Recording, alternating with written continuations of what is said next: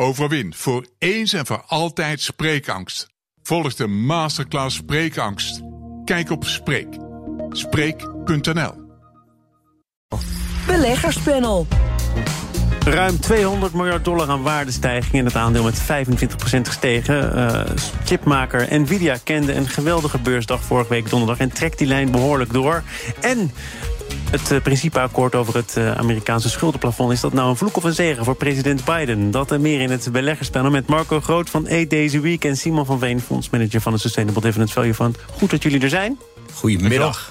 Met jullie laatste transactie. Ik geloof, Marco, dat jij het over Unilever wilde hebben. Ja, ik heb een foutje gemaakt, uh, Thomas. Uh, ik heb mijn eigen uh, regels overtreden in mijn beleggingstrainingen... waar ik eind van de maand weer eentje van geef. Dan zeg ik altijd dat je nooit mag handelen op basis van gevoel. En sinds december loer ik al op Unilever... omdat de getallen ongeveer kloppen... en het aandeel stuit het de hele tijd heen en weer... tussen de 45 en de 50. En als het dan een keer door de 50 heen gaat... dan kan het zomaar zijn dat het momentum echt begint te ontstaan. Nou, ja, wat, wat, wat, zijn kloppende getallen wat jou betreft? Daar moet je op letten? Uh, aan de onderkant is het 45. Dat is het kussentje wat het dividendrendement geeft. Hè. Dus dat zie je ook terug in aandelen als Shell. Maar aan de bovenkant gaan mensen pas meer dan 50 betalen op het moment dat ze die waarde herkennen. En ik denk dat ik het daar wel zie, alleen de massa is het nog niet met mij eens. Dus pas als de massa het ook ziet, dan ga ik daarin mee. Dus ik was aan het wachten tot hij door die 50 heen ging. Toen kwam de trading update en die klonk eigenlijk wel lekker. En een trading update zijn geen harde getallen, maar meer trendindicatoren. Dus ik dacht, nou gaan we. Dus ik heb een beetje meegekocht. En twee, drie dagen later kwam dat persbericht uit dat ze um, marketing spend hadden gedaan aan de eisjes in Rusland tegen de afspraken in. Of wat je tussen regels misschien wel had kunnen lezen, maar niet helemaal klopte. En toen ging het weer net zo hard weer terug tussen de 45 en de 50 handelen. Dus eh, volgens mijn eigen regeltjes moet ik ze dan ook weer verkopen. Want als je naar boven niet gelijk hebt, dan moet je dan naar beneden als een sodemieterij wegwezen. En dat heb ik gedaan. Dus ik heb mijn, eigenlijk heb ik mijn eigen. Ik heb op mijn gevoel gehandeld. Terwijl ik altijd zeg, je moet op de cijfers en op de feiten handelen en niet op gevoel. Nog even de laatste Unilever feiten. Namelijk het vertrek van de CFO. Het aangekondigde vertrek van de CFO. Die houdt Ja. er eh, in mei volgend jaar mee op. Ja. Ellen Job eh, moet ook het veld ruimen. Eh, op eigen verzoek overigens, zegt hij zelf. Daar Ja. komt de Nederlandse Schumacher voor terug. Ja. Een vertrekkende CFO, een, een CEO die er ook mee ophoudt. Is dat te veel van het goede of maakt het niet zoveel uit? Ja, het is heel spannend natuurlijk als je het hele bestuur in, eh, in één keer eh, eh, verandert. De CFO die zat er al volgens mij mm, meer dan 25 jaar, denk ik. Ja, Weet dat niet ook jij? voor Job, hè? dat was Ja. ook echt een insider. Ja, dus je, je haalt echt de, de, de, de veteranen weg. Maar tegelijkertijd, het bedrijf is heel erg gefocust op duurzaamheid. Maar ondertussen zijn ze ook heel erg gefocust op marge. Dus als je zo gefocust bent op duurzaamheid, dan moet je soms wat marge opgeven om het juiste te kunnen doen. Dus ik denk dat het daar schurkt. Ik ben heel benieuwd waar ze mee komen. Simon, eh, van een afstandje, is het eh, veel gevraagd om eh, zoveel belangrijke bestuurders in één keer te vervangen? Of eh, kan dat ook wel min of meer geruisloos? Nou ja, in, de meeste gevallen zit er natuurlijk wel een, soort eh, laag onder met veel ervaring die dan eh, door kan schuiven of taken over kan nemen. Dus, dus het hoeft niet een heel groot risico te zijn voor Unilever. Jouw laatste transactie. Ja, nou ja, eh, ehm, eh, mijn laatste transactie, we hebben wat aandelen Airtel Afrika gekocht. En dat is een telecomprovider in 14 Afrikaanse landen. En ja, die hadden de jaarcijfers gebroken boekjaar. Dus jaarcijfers komen half mei. Ehm, en, en, en die waren helemaal niet zo slecht hoor. Het bedrijf heeft eh eh 9 ehm, miljoen eh, abonnees toegevoegd naar 140 miljoen. En 12% omzetgroei, 11% winstgroei en, en 9% dividendstijging. Dus allemaal hartstikke mooi. Maar het was net iets minder dan de dan de eh, markt misschien verwacht had. Daardoor eh, daalde de koers een procent of 10. En, en wat waren nou de redenen van die tegenvallen? Nou ja, allereerst ehm, de inflatie is hoog, waardoor ja, bestedingsruimte in Afrika voor zoiets als telefonie toch wat minder is. Ehm, de, de, de energiekosten zijn gestegen, waardoor de mobiele telefonienetwerk in de, in de lucht houden kost nou eenmaal energie. Dus dat viel tegen. En eh, als. ehm, als derde eh, was het ook zo dat de rapportagevaluta, de dollar, eh, die was sterker geworden. Dus de drie redenen waar het tegenviel. En dat zijn eigenlijk alle drie redenen waarvan ik denk in het nieuwe, huidige boekjaar, wat net begonnen is, zou dat wel eens precies andersom kunnen zijn. Krijg je nou een opgestoken duimpje van Marco of niet? Ja, ik vind, een heel, ik vind een heel leuk bedrijf. Omdat het echt gefocust is op, op Afrika en groei. En waar wij in de westerse wereld eigenlijk banken en telefoonbedrijven als twee separate entiteiten zien, is dat in Afrika echt één bedrijf. Ja. Dus de groei zit daar ook echt in. Dat heeft Simon hier even goed gezien. En dit Ja, koop je op drie keer de cashflow, wat, Ja. wat ongekend laag is, ook voor een telecombedrijf. En je koopt het niet voor, voor de komende twee jaar, je koopt voor de komende tien jaar. We gaan naar eh, Nvidia. Dat heeft een paar eh, geweldige dagen achter de rug op de Amerikaanse beurs. Eh, is volgens mij vandaag ook weer goed bezig. Het aandeel steeg met 25% op de beursopening eh, afgelopen donderdag. Waar is dat aan te danken? En eventjes allereerst, heeft een van jullie beiden Nvidia in de portefeuille? Eh, nee. Ook niet. Balen of eh, niet per se? Nou ja, wij doen Europese aandelen, dus het valt gewoon buiten ons eh, eh, eh, Geen overweging. blikveld. En jij bent een small cap belegger, toch? Nou, gewoon ook, we kunnen ook in large caps. Ah, ook. Novo Nordisk, wat dit grootste Europese 1000 bedrijf is. miljard, Maar dus. Ehm, nee, ik, ik heb het aandeel niet, omdat ik ASML heb. Ehm, en ik heb een vrij rigide mening over, over een aandeel met een dergelijke waardering en een dergelijk grillig groeipatroon. Nvidia doet iets wat te kopiëren is. Of wat iemand op den duur in kan halen. Degene die het gereedschap verzorgt waar Nvidia al zijn kunsten op moet uithalen. Dat is ASML. En ASML doet iets wat niet na te maken is en niet in te halen is. Dus ik beleg op de lange termijn liever in ASML dan in Nvidia. Nvidia, bekend van de videokaarten, vooral eh, naam opgebouwd in de gamewereld, maar nu ook onontbeerlijk. Blijkt in ieder geval uit eh, de verwachte omzet voor alles wat met AI te maken heeft. Ja, het zijn chips die, die een enorme rekencapaciteit hebben. En dat is leuk voor de videogamespelers. En dat is ook leuk voor datacenters waar dat eh, AI eh, zeg maar uiteindelijk moet gebeuren. Dus er is, een, ja, dat was datacenters was bij de vorige kwartaalcijfers volgens de CEO nog een heel bescheiden deel van de omzet.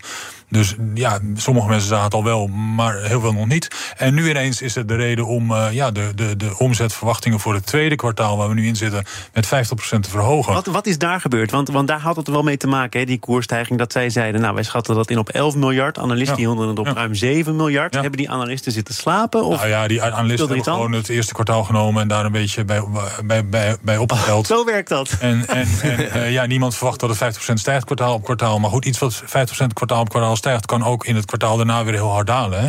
En dat wordt nu niet ingeprijsd. Nu wordt ingeprijsd dat die stijging eh, heel lang door blijft gaan. En, en, en dat kan best een, een, een tijdje duren. Waarom, waarom zou dat niet zo zijn? Als jij de pret al wil, wil, wil bederven? Nee, dat wil ik helemaal niet hoor. Ik wil de pret absoluut niet bederven. Maar, maar je, bij de vorige eh, boom zag je dat ook. Hè. De vorige boom van Nvidia was toen eh, crypto. Eh, anderhalf jaar geleden bij de, bij de top van crypto. eh, de, de crypto mining Ja, je computers gebruiken nodig ook- om Ethereum te minen, volgens mij. Hè? Die, nou ja, die gebruiken ook veel Nvidia-chips, eh, die crypto-miners, omdat ze zo lekker snel rekenen. En, en, en toen stond de koers van Nvidia nou, nauwelijks onder de huidige koers. Ook zeg maar op dezelfde. Maar, maar is AI niet wat stabieler dan de crypto-hype? ja, misschien wel. Misschien. Met de nadruk op misschien? Ja, dat, ja, dat kan Nou ik je ja, over een ik paar jaar zeggen. Ja, oh, dat ik kan het over een paar jaar zeggen. Ik- Nou, ik- ik- tot ik- ik- ik- ik 2028 weet het dan, niet. Simon. Kijk, eh, de, de, de, eh, hè, die, die, eh, eh, de, die chips worden, worden besteld. En dan, dan ziet eh, Nvidia dat in het ordeboek. Maar die kunnen ook niet verder dan een paar kwartalen vooruit kijken. Ben jij net zo, nou laat ik zeggen, sceptisch of voorzichtig? Nee, ik denk dat AI heel hard gaat groeien. En ehm, Nvidia zit op het ogenblik in de sweet spot, maar er zijn meer bedrijven die in die sweet spot zitten. Ik denk dat de, de koersbeweging, wat toch de belangrijkste focus is op dit moment, en die omzet, omzetverrassing, zijn ook een functie van AMD, die ongeveer hetzelfde doen, maar daaromheen nog heel veel andere chips produceren. En AMD had 31 januari kwamen zij met cijfers en die vielen wat tegen. Dus dat had de verwachtingen al wat verlaagd. Tegelijkertijd, zijstapje, ik vind dat als Nvidia weet door het kwartaal heen dat ze 11 miljard gaan rapporteren. En een paar weken geleden wisten ze al dat het meer dan 10 werd. En ze weten dat analisten 7 verwachten. Dan, als het na- naar beneden gaat, dan geef je een profit warning. Naar boven toe kan je ook een profit warning geven. Dus ze hadden dat. Waarom zou je dat doen? Omdat je niet wil dat de markt reageert zoals, ze- zoals het nu reageert. Uiteindelijk heb je aandeelhouders om jou van kapitaal te verschaffen. En wat je hier ziet gebeuren, is dat alles wat aandeelhouders eigenlijk niet willen zien, wel gebeurt. Dit soort bewegingen naar beneden worden niet gewaardeerd. Maar daarboven kloppen ze ook niet Waarom hebben helemaal. ze het niet gedaan dan? Ik heb geen idee. Eh, Ik vind, maar is dat het je, onfatsoenlijk of is het nalatig? ik vind het slordig. Ik vind echt, als je, als je zo'n enorme omzetverrassing hebt... het was 11 miljard, er werd 7 miljard verwacht... als je zo'n enorme omzetverrassing gaat geven... dan zou je die van tevoren wel een beetje in moeten masseren. Nvidia in de sweet spot. In de kantlijn gaat het dan ook over Intel. de vorige alleenheerser. Er wordt dan gezegd dat alleen al de stijging van Nvidia nu uh, de totale waarde van Intel overtreft. Um, valt er nog iets te redden voor uh, de voormalige paradepaardjes? Volgens mij uh, las ik vanmorgen ergens dat Nvidia openstaat voor een samenwerking met Intel om, om, om AI-chips voor datacenters te gaan leveren. Dus natuurlijk valt er nog wat te redden. Ja, ja. We gaan er iets wat op de valreep ook gered is.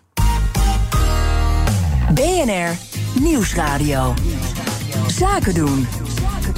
Thomas van Zeil.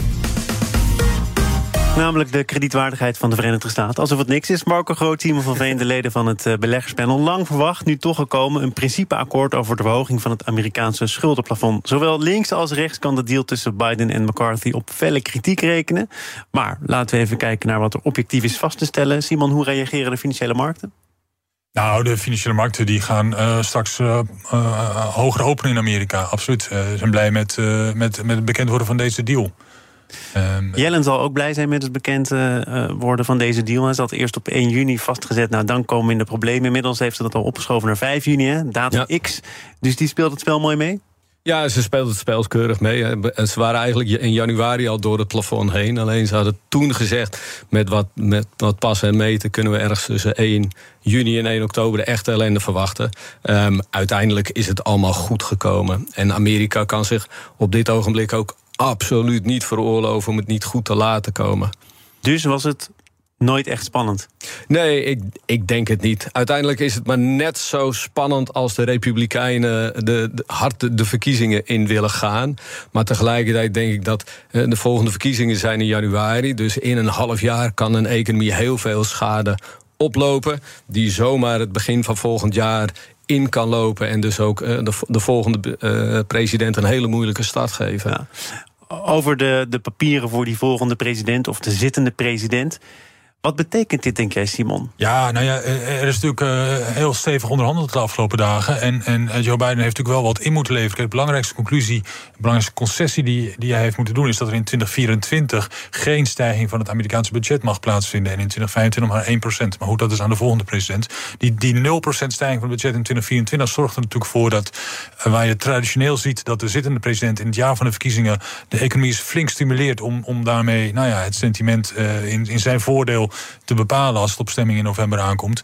Uh, ja, dat is nu niet mogelijk. Maar is het stimuleren van de economie wel in zijn directe belang? Want een uh, economie die op volle toeren draait, dan kun je er ook donder op zetten. Zeggen dat de inflatie natuurlijk uh, nooit echt binnen de perken zal blijven, of wel? Dat, dat, dat is waar, maar goed, dat is dan het probleem van de Fed. Hè, waar, het, waar het de president voor om gaat, is dat mensen zich rijker voelen in hun portemonnee. En dan, en dan uiteindelijk zullen stemmen voor de zittende president. Uh, we zitten hier in het beleggerspanel. Uh, wat betekent dit voor, voor beursgenoteerde bedrijven? En om alvast even een schot voor de boeg te geven. Uh, Koen Bender zei hier eerder in, in dit programma dat er één specifieke uitzondering is gemaakt: defensie. Daar mag niet op beknibbeld worden. Sterker nog, dat moet extra in de verf gezet worden. Dus defensiebedrijven, die zien dit waarschijnlijk met veel vertrouwen tegemoet. Ja, en, maar uiteindelijk heeft de economie dit nodig. Hè. Dus welke bedrijven zullen profiteren, is eigenlijk alle bedrijven. Um, er moet ruimte in het budget blijven om de economie aan de gang te houden. Als je op internet gaat kijken naar de Amerikaanse schuldenklok, dan zie je de drie grootste posten waar Amerika dit geld voor nodig heeft, zie je ook meelopen. En dat zijn schrikbarend hoge getallen. Getal 1 is ziektekosten, getal 2 is uh, sociale uitkeringen en 3 is defensie. Dus terugkomend op jouw vraag, ik denk ook dat de medische sector hier goed gaat van, uh, van gaat profiteren. Maar, maar, maar waarvan dan? Want je zegt de economie heeft dit nodig. Er wordt een rem gezet op uitgaven uiteindelijk. Een paar uitzonderingen daar. Sorry, ik bedoel op het verhogen van het schuldenplafond. Dat, dat is echt zonder meer nodig. Want federale staten kunnen maar 80% van hun uh, kosten dekken met de inkomsten uit belastingen. Die extra 20%, die moet echt uit de overheid komen. Het volgende uh, stapje, en dat is dus een beter antwoord op jouw vraag. Ik had de eerste niet helemaal begrepen, excuus. Is dat als defensie uh, gepimpt moet worden, dat betekent dat het ergens anders vandaan zou moeten komen. En dan heeft het een omgekeerd evenredig effect op wat ik, wat ik zojuist zei. Dus korte termijn goed voor de medische industrie. Lange termijn kan dat best wel eens penibel worden dan. Zaken als uh, kredietwaardigheid, ik haal het al even aan. Fitch gaf vorige week aan, nou, we moeten toch nog eens kijken of we kunnen vasthouden aan de huidige rating. Nog even afgezien van de vraag of ze tot een akkoord komen. Maar wordt de soep niet zo heet meer gegeten? Zal Fitch toch vasthouden aan de huidige kredietwaardigheid van de VS? Ja, uh, dat, dat, denk ik wel. Ik denk niet dat Fitch de rating van de Verenigde Staten zal verlagen. Maar het is natuurlijk wel een beetje een raar systeem... dat je eens in de twee à drie jaar zeg maar, zo'n soort crisis in scène zet... Uh, waardoor er uh, opnieuw onderhandeld moet worden... en waardoor iedereen in spanning is... oh jee, zal die rente nog betaald worden? En dat komt allemaal omdat er zo'n ja, absoluut bedrag... aan, aan maximale hoeveelheid schuld is vastgesteld ooit. En kijk, ja, Amerika doet veel dingen slimmer dan Europa... maar in Europa hebben we gewoon een relatief schuldenplafond ten opzichte van het GDP. En, en dat is, uh, het probleem is bij Europa... Mag je ook met voeten treden? Ja, dat is 60 procent. En, en eh, de, de helft van de landen uh, houdt zich daar natuurlijk niet aan. Maar, maar uh, dat zorgt in ieder geval niet dat je dit soort ja, crisissen krijgt... Wat, die op korte termijn opgelost moeten worden. Zoals naar een familie die nooit echt in de geldproblemen heeft gezeten... namelijk de Rothschilds. Al sinds begin de 18e eeuw is die familie bezig met het bankwezen van Europa. Na jaren een beursgenoteerd bedrijf te zijn... besluit de Duitse familie nu om de investeringsbank Rothschild Co. van de bank te halen... voor een bedrag van 3,7 miljard euro. In het FD werden de Rothschilds neergezet als zonder twijfel... de meest gerenommeerde naam in de Europese financiële wereld. Marco, ben je het daarmee eens?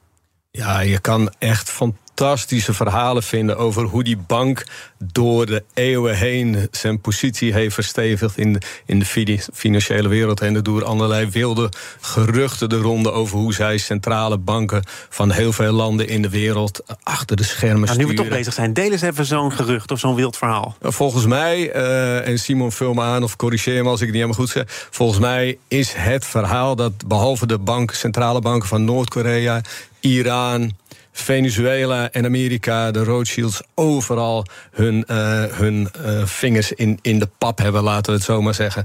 En misschien mis ik er nog één of twee, maar dan, wat hebben we? Ah, Simon weet meer, hoor. 220 landen in de wereld. Dus dat betekent eigenlijk dat zij de, de, de machtigste familie ter wereld zijn. Je kan daar echt fantastische avondvullende documentaires op YouTube over vinden. Het, het, beeld van de afgelopen dagen, weken was toch... ja, god, ze hebben geld zat daar. En als ze het zelf niet hebben, dan zijn er nog wel wat bevriende families... die de Rothschilds uit de brand willen helpen. Wat doen die überhaupt op de beurs? Eigenlijk de vraag die ze zichzelf ook steeds uh, harder op gingen stellen. Wat deden ze daar dan eigenlijk, Simon? Nou ja, eh, kijk, de beurs is natuurlijk soms eh, eh, wel een, makkelijke manier om extra geld op te halen om je bedrijf snel te kunnen laten groeien. En, en wat ze nu gaan doen is met opgespaard familiekapitaal van henzelf en van andere bevriende families het van de beurs halen. En ehm, nou, dat, dat, dat is prima. Daar kunnen ze waarschijnlijk heel lang mee, heel lang mee vooruit. Maar ze zijn ooit natuurlijk naar de beurs gekomen omdat ze meer kapitaal nodig hadden dan ze zelf door winst konden genereren. Maar het is er nooit helemaal uitgekomen, toch? Als je kijkt naar wat nu de motivatie is om de beurs uh, te verlaten, dan is dat een magere waardering, veel regelgeving. De angst volgens mij ook dat er een activistische aandeelhouder zou zijn die zou zeggen: Nou, 10, 20 procent, dat heb ik zo bij elkaar, dus ik doe het. Ja, nou ja, de, de, dat zijn allemaal factoren die meespelen, dat klopt. Uh, de, de, de, de waardering is natuurlijk relatief laag en de regelgeving is enorm toegenomen um, de laatste jaren. En uh, ik, ik kan me daar best wel bij voorstellen. Dat ze zeggen, nou, als we. Uh, het is niet dat je als, als je van de beurs af bent, dat je niet meer een rails hoeft te doen. Maar het maakt het wel iets makkelijker. En ja. die kosten van die beursnotering vallen ook weg. Wat, wat, wat merk je nou, uh, Simon, als, als aandeelhouder van een bedrijf dat eigenlijk van de beurs af wil? En de aandeelhouder is daar misschien zelf nog niet aan toe. Ik begrijp dat jij een paar keer aan de lijf hebt ervaren ja, dat ja, je dan toch ja, wordt weggepest. Nou, dat, maar dat, dat, dat kan inderdaad. Hè. Dat kan voorkomen dat groot aandeelhouders, de een doet het netter dan de ander, uh, de minderheidsaandeelhouders eruit willen. In dit geval wordt er een ja, nieuwe hoge koers uh, geboden die nog nooit neergezet is. Dus er zal niemand met verlies aandelen hoeven verkopen. Uh, en en het gebeurt allemaal vrij netjes. Maar, maar ik heb inderdaad wel meegemaakt dat je in een of ander nou ja, Noors bedrijf zat. Waar, waar vanaf het moment dat de grote aandeelhouder een bod deed, niemand meer de telefoon opnam. alle persberichten in het Noors naar buiten kwamen. En niemand meer Engels sprak. En, en je ja, eigenlijk maar nou ja, een soort, uh, geen andere optie resteerde dan, dan je aandelen op de beurs verkopen voor een veel te lage prijs. Niet zo netjes. En nog even terug naar die Rothschilds, Marco. Hadden die wat op de beurs te zoeken? Ja, het is makkelijk om kapitaal op te halen. Maar Alexander de Rothschild gaf eerder toe... ja, als je kijkt naar ons DNA... dan zijn wij ook veel meer een privaat bedrijf. Absoluut. Het, het, heeft helemaal niets op de beurs zoeken. En uh, terugkomend op wat er net gezegd wordt, het, het wordt net zo als alle andere small cap bankjes in de rest van Euro Europa behandeld en gewaardeerd. En Um, als je naar de balans kijkt nu, Simon zegt terecht, er wordt een hogere koers betaald dan er ooit betaald is. Maar het is vooral een adviesbedrijf. Tweederde van de inkomsten komen uit advies Ik denk aan heel veel centrale banken, zoals we net besproken hebben. Um, maar um, als je, ze bieden 3,7 miljard. Er staat 1,2 miljard te veel kapitaal op de balans. Hè? Dus de risk-weighted assets versus het kapitaal wat ze volgens de regulator nodig hebben. Dus ze bieden 3,6. Die eerste 1,2 die kan je er eigenlijk al van afhalen. Ze hebben al 50 miljard, dus er blijft nog maar 1,8 aan bod mm. over. Dus zoveel geld hoeven ze er eigenlijk helemaal niet uit te gooien om, om deze transactie te doen. En als je dan 7, 8 keer de winst betaalt na die 1,2 miljard onttrekking. Omgekeerde van 7, 8 keer winst is 12 tot 14 procent rendement. Ja, die, dan is dat een makkelijke transactie. Die bevriende families zouden niet instappen als het geen hele goede deal was. Precies, dus ze maken eigenlijk een, rendement op een investering van 14, 15 procent. En ze zeggen dat ze, dat ze 10 keer betalen. Klopt niet helemaal.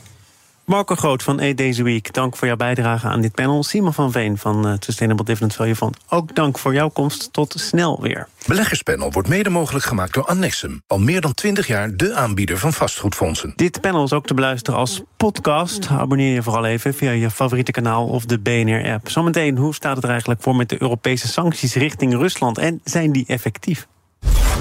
Vergroot je overtuigingskracht en ontwikkel de magie van verbinding. Leer presenteren als een leider. Kijk op Spreek.nl